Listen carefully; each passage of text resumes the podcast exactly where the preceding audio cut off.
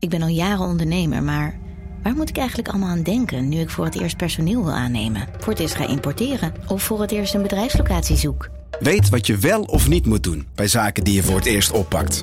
Check kvk.nl voor praktische stappenplannen. KVK, hou vast voor ondernemers. Hey podcastluisteraar. Ook op zoek naar een relevante invulling van je schaarse luisteruren? Tune dan in op de podcastserie ESG, even samengevat van BNP Paribas. Wij, Marloes en Aldert, spreken daar duurzame voorlopers en wereldverbeteraars. Waarover dan? Nou, bijvoorbeeld of we ooit duurzaam kunnen gaan vliegen. En waarom koeien in de stad nou een goed idee is? Dat en meer elke twee weken in een nieuwe aflevering. Dus abonneer je. ESG, even samengevat. Vanaf de redactie van NRC het verhaal van vandaag. Mijn naam is Thomas Ruip.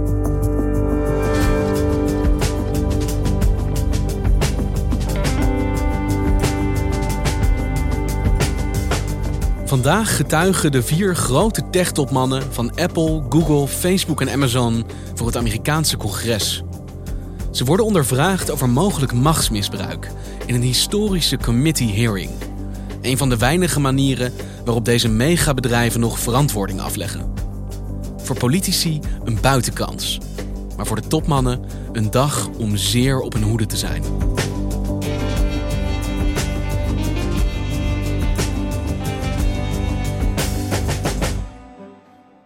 Gentlemen, we welcome you to our hearing today.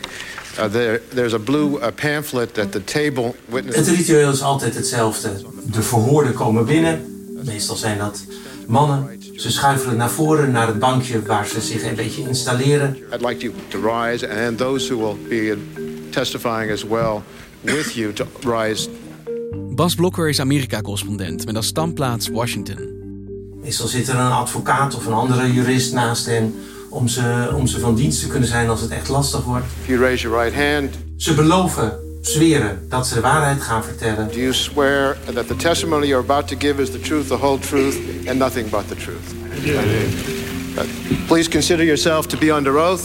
En dan worden ze welkom geheten door de voorzitter van de commissie. And we'd like to ask each of you to identify uh, yourself, including those who are accompanying the witnesses, so we can have that for the record. En dan gaat het beginnen. En wat zijn dit voor een momenten, Bas, zo'n congressional hearing? Ik vond het een raar fenomeen toen ik in de Verenigde Staten kwam. Eh, het is een spektakel.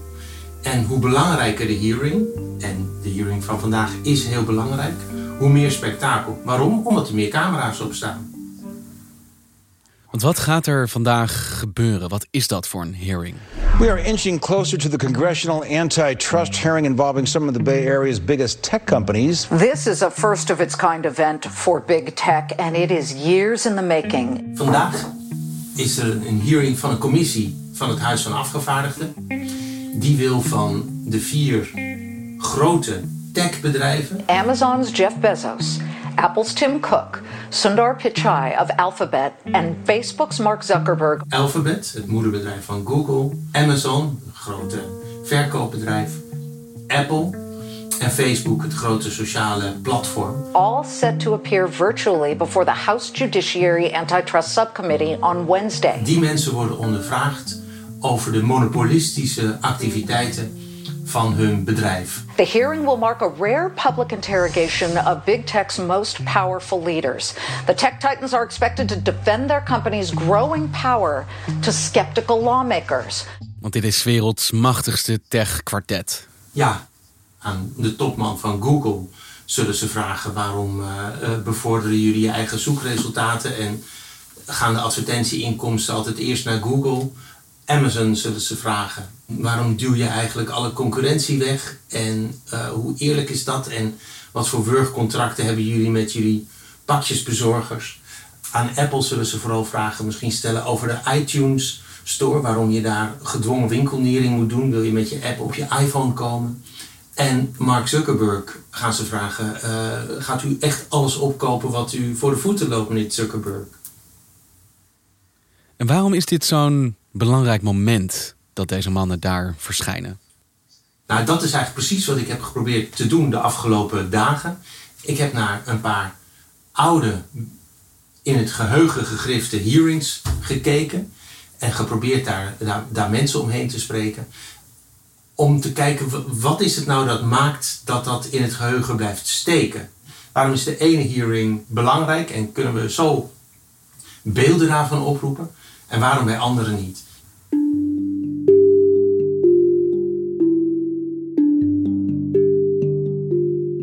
Want wanneer hebben we dit eerder gezien in de geschiedenis? Zo'n moment als vandaag. Nou, de eerste waar ik uh, naar heb gekeken was uh, in 1994, dus dat is 26 jaar geleden. This is a, an historic hearing. For the first time ever, the chief executive officers of our nation's tobacco companies are testifying together before the United States Congress. De Camelman, Marlboro, ze waren er allemaal. Ze zaten naast elkaar. My name is Joe Taddeo. I'm president of U.S. Tobacco. My name is William Campbell, president of Philip Morris. USA. En dat, dat versterkt het idee dat zij in het beklaagde bankje zitten. Weet je, we hebben ook grote maffiaprocessen zien er ook zo uit. Dus het visueel geheugen werkt ook zo. Deze mannen zitten omhoog te praten tegen de mensen die het volk vertegenwoordigen. Waarom zaten ze daar toen? In dat beklaagde bankje? Ze zaten daar toen omdat uh, de, deze gezondheidscommissie van het huis uh, hen wilde ondervragen over de gezondheidsschade van sigaretten. They are here because this subcommittee has legislative jurisdiction over those issues that affect our health. And no health issue is as important as cigarette smoking. Ik heb gesproken in dit verband met iemand die daarbij was. En die daarbij was in een hele speciale rol. Uh, hij heet Chuck Blixt. Hij is nu achter in de 60, maar uh, toen was hij als lobbyist betrokken bij de fabrikant die Camel sigaretten maakte. En die vertelde me een beetje hoe dat gaat. Dat de voorzitter van deze commissie, Henry Waxman, heel erg vijandig was. Dus de ene uh, strenge vraag naar de andere stelde. The experts also agree that smoking causes heart disease. Do you agree that smoking causes heart disease? It may. They agree that smoking causes lung cancer. Do you agree? It may. Do you know whether it does? Antwoorden afkapte. Do I agree with the estimate of 435,000 people? I've heard from this committee this morning three or four different numbers. My understanding of how that number is. If you don't agree with the number, then give us your number. How many smokers die each year from I, smoking I will cigarettes? I will explain. No, I want your answer. We have a limited time. I do not know how many. Het is een belangrijk moment. De zeven grootste tabaksfabrikanten van het land zijn bij elkaar. Iedereen weet vanavond in het 8 uur journaal wat zullen ze eruit knippen. Nou ja, dan natuurlijk niet de vriendelijke vragen, maar juist de vragen waar iedereen peentjes bij moet zweten. En welke vragen waren dat?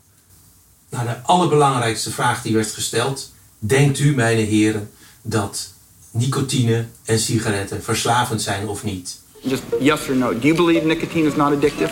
Allemaal zeiden ze. I believe nicotine is not addictive, yes. I believe that nicotine is not addictive. I believe that nicotine is not addictive. And I too believe that nicotine is not addictive. Mind you, hè, dit was 1994. Um, het, het, het was niet 1951 toen, toen alle madmen nog uh, gewoon stonden te paffen. alle gezondheidsonderzoeken waren al geweest. Alle, alle bewijzen lagen er al. Deze mannen hadden hun hand opgestoken en gezworen de waarheid te vertellen. En ze zeiden allemaal dat zij dachten dat sigaretten en nicotine niet verslavend waren. En wat is de impact geweest van dat moment? Deze topmannen die daar, denk ik dat we wel mogen zeggen, keihard stonden te liegen. Ja, als ik aan jou vraag, Thomas, geloof je dat dit een interessant gesprek is? En je zegt ja, Bas, ik geloof dat dit een interessant gesprek is. Technisch lief, lieg je dan niet. Want je kunt zeggen, ja, dat geloof ik nu eenmaal. En zo ging het bij hen ook. De vraag was, gelooft u dat sigaretten en nicotine verslavend zijn? Dus dat is eigenlijk de verkeerde gesloten vraag. Ja, hij, hij had moeten zeggen, zijn ze verslavend? Maar ja, goed, het is ook een spel. Want voor degene die de vraag stelt, die wil ook dat dit beeld er is. En bij iedereen die daarnaar zit te kijken, blijft het beeld hangen dat zeven tabaksfabrikanten zeggen: onze producten zijn niet verslavend.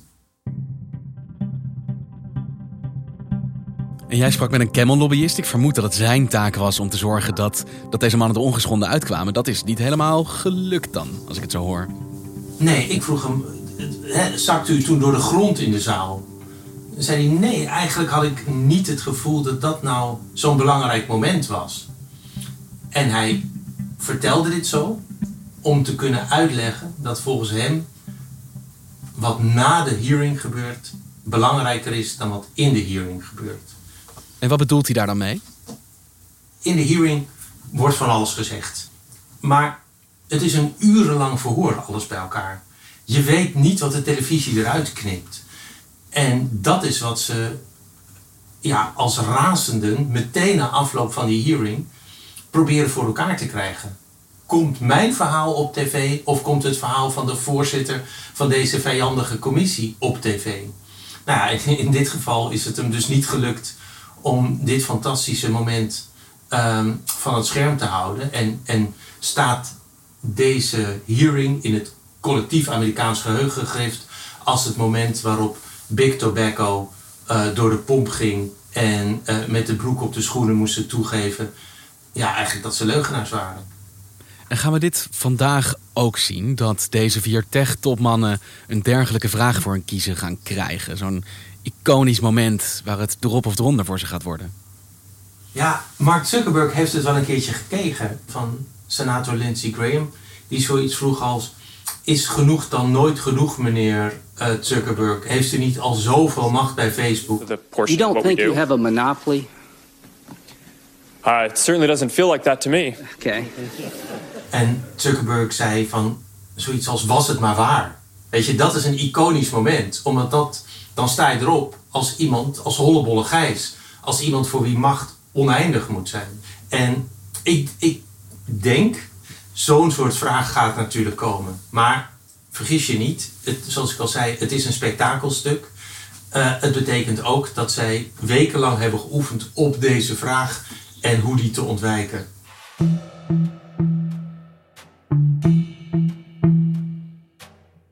En wat is dan het volgende iconische moment geweest als we voorbij de tabak gaan?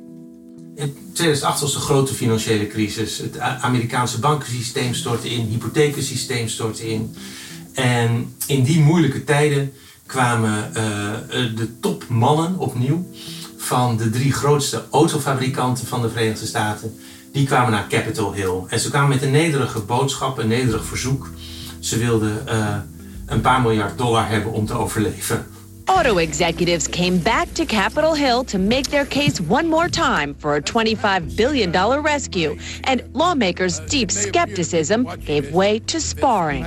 En um, we hebben het hier over beeldvorming. Uh, deze mensen verloren de slag om de beeldvorming al voordat ze één voet op Capitol Hill hadden gezet op de trappen van de Senaat. Laat staan voordat ze hun hand omhoog hadden kunnen doen om te zweren dat ze de waarheid zouden zeggen. Hoe hebben ze dat voor elkaar gekregen? Nou, omdat ze alle drie in een privéjet kwamen aanvliegen. Um, uh, ABC News had uitgezocht dat de jet van de baas van General Motors 35 miljoen dollar kostte. Dus een van de simpelste vragen voor de senatoren was: waarom verkoopt u uw vliegtuigen eigenlijk niet, mijn heren? I'm going to ask you to raise your hand if you're planning to sell your jet in place now and fly back commercial. Let the record show no hands went up. Als je om geld komt vragen, dan kun je misschien maar beter niet met je dure privéjet aankomen. Ja, dat is natuurlijk qua beeldvorming heel erg stom. Het leuke is, dit verhaal is niet af. Um, ze vroegen echt om, om tientallen miljarden steun. Ze kregen die niet. En twee weken later kwamen ze terug om opnieuw hetzelfde verzoek in te dienen. En ditmaal kwamen de heren aangereden in energiezuinige hybrid auto's. Om te laten zien dat ze echt al van deze wereld waren. Uh, we carpooled, I drove, and I'm driving back. You didn't carpool with him, did you? No, carpooled with our Ford team. Okay, what about Yeah, you? I drove with a Want als het allemaal om beeldvorming gaat, heeft die slechte beeldvorming ze hier dan in de weg gezeten? Nee, uiteindelijk niet. Ehm, die beeldvorming werkt twee kanten op. Bij de auto-industrie zag je dat heel duidelijk. Dat verschil tussen wat zich voor de camera afspeelt en achter de camera voor, tijdens en na het verhoor. En voor de camera zie je strenge parlementariërs als strenge meesters tegen die drie toplieden van, van autobedrijven zeggen: Foei jongens, wie denken jullie wel dat je zijn? Achter de camera is er al lang onderhandeld over de voorwaarden waaronder het parlement ja gaat zeggen. Want dat het parlement ja gaat zeggen tegen het redden van de Amerikaanse auto-industrie. Dat zijn tienduizenden, zo niet honderdduizenden banen die daar op de tocht staan.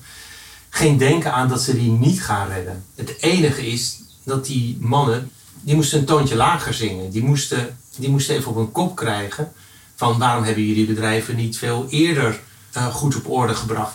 Can you just tell me in absolute terms how much money do you need to survive, General Motors, from today until March 30th? Uh, Congressman, it's going to depend on what happens with suppliers and markets. I, I understand it. Give me your worst case scenario.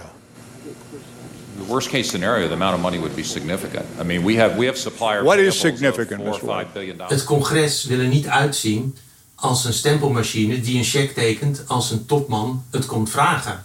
Ze willen laten zien, wij zitten er bovenop, wij controleren jullie uit naam van de Amerikaanse bevolking. En we zijn nu steeds gaan kijken naar de, de, de verhoorden die daar zitten. Maar in het spektakelstuk zijn de echte hoofdrolspelers vaak de verhoorders, de mensen die de vragen stellen. Stel, je bent afgevaardigde, Amerika heeft natuurlijk een districtenstelsel. Jij bent de afgevaardigde van een district waar een grote fabriek staat, eh, waar auto's worden gebouwd of auto-onderdelen. Ga je dan later die dag terug naar je district en zeg je tegen je kiezers: Ja, ik heb de auto-industrie de nek omgedraaid. Ik vond het zulke arrogante klootzakken. Nee, tuurlijk niet. Dan ga je zeggen: Ik heb er alles aan gedaan om het te redden. Die mannen die zijn veel te rijk, maar ze moeten hun arbeiders moeten we beschermen. dus dat is, dat is de ene, ene kant. Andere kant is, Amerika is een enorm aanmächtige democratie. Om de twee jaar zijn hier verkiezingen voor het Huis van Afgevaardigden. Om de twee jaar moeten mensen dus op eigen kracht worden herkozen in het parlement.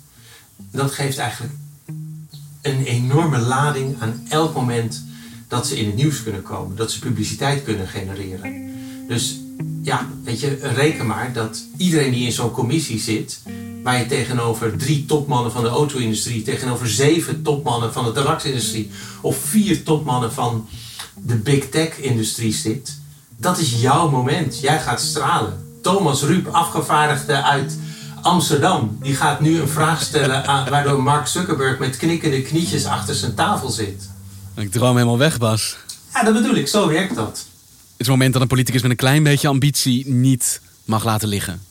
Ja, dit zijn, dit zijn gouden gelegenheden voor politici om te laten zien hoe, uh, hoe serieus ze hun taak nemen als volksvertegenwoordiger. En laten we daar ook niks aan afdoen. Uh, weet je, want we, we, zitten nu natuurlijk te kijken naar het spektakel. Er wordt ook wel degelijk inhoudelijk veel gevraagd. En dat soort dingen staan in transcripten voor goed on the record. Ook als dat het 8 uur journaal bij CNN of bij ABC niet haalt. Het is gezegd, daar kunnen mensen op teruggrijpen. Dus um, het is niet alleen spektakel. Leiden dit soort hearings daadwerkelijk ook tot maatschappelijke verandering? Of is het puur alleen beeldvorming en het maken of breken van carrières? Nee, het, is, het, het leidt zeker tot maatschappelijke verandering. Die hearings creëren draagvlak voor veranderingen. Het hoeft niet altijd wetgeving te zijn. Chuck Blix, de lobbyist van 94, legde me uit dat er geen nieuwe anti-tabakswetgeving is voortgekomen uit die hearing van toen. Maar vlak daarna heeft Mississippi als eerste staat schadeclaim ingediend tegen de tabaksfabrikanten voor gezondheidsschade. Dat is een direct gevolg van de hearings. Waarom? Omdat die hoorzitting, die maakt de tijd rijp als het ware. En dat, is hier, dat is, gaat hier natuurlijk ook gebeuren. De grote vraag is, moeten deze techbedrijven worden opgeknipt? Nou, het kan best zijn dat de wetgeving die daarvoor al lang ligt te sudderen ergens, dat ze na de hearing besluiten, is dit het moment om onze wetgeving in te dienen? Is het draagvlak daar groot genoeg voor? Daar zijn die hearings dus heel belangrijk voor. Ze, ze creëren een moment, ze creëren momentum. En alle vier hier, en dat geldt trouwens ook voor die autofabrikant en ook voor die tabaksfabrikanten van vroeger. Dit zijn giganten. Dit zijn bedrijven die zo groot zijn dat ze het tegen landen kunnen opnemen.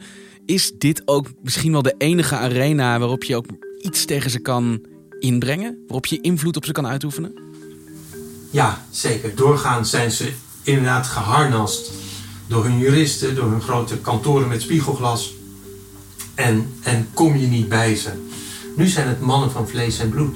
Die moeten antwoorden op vragen en die worden beoordeeld op de, de jeu waarmee ze dat antwoord kunnen brengen. Of de behendigheid waarmee ze een, een te moeilijk antwoord kunnen omzeilen.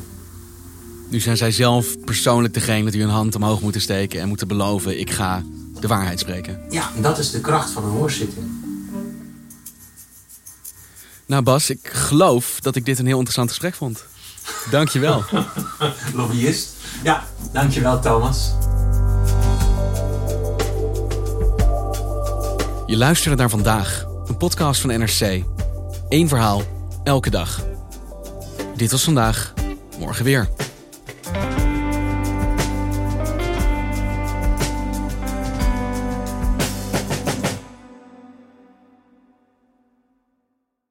Technologie lijkt tegenwoordig het antwoord op iedere uitdaging. Bij PwC zien we dit anders.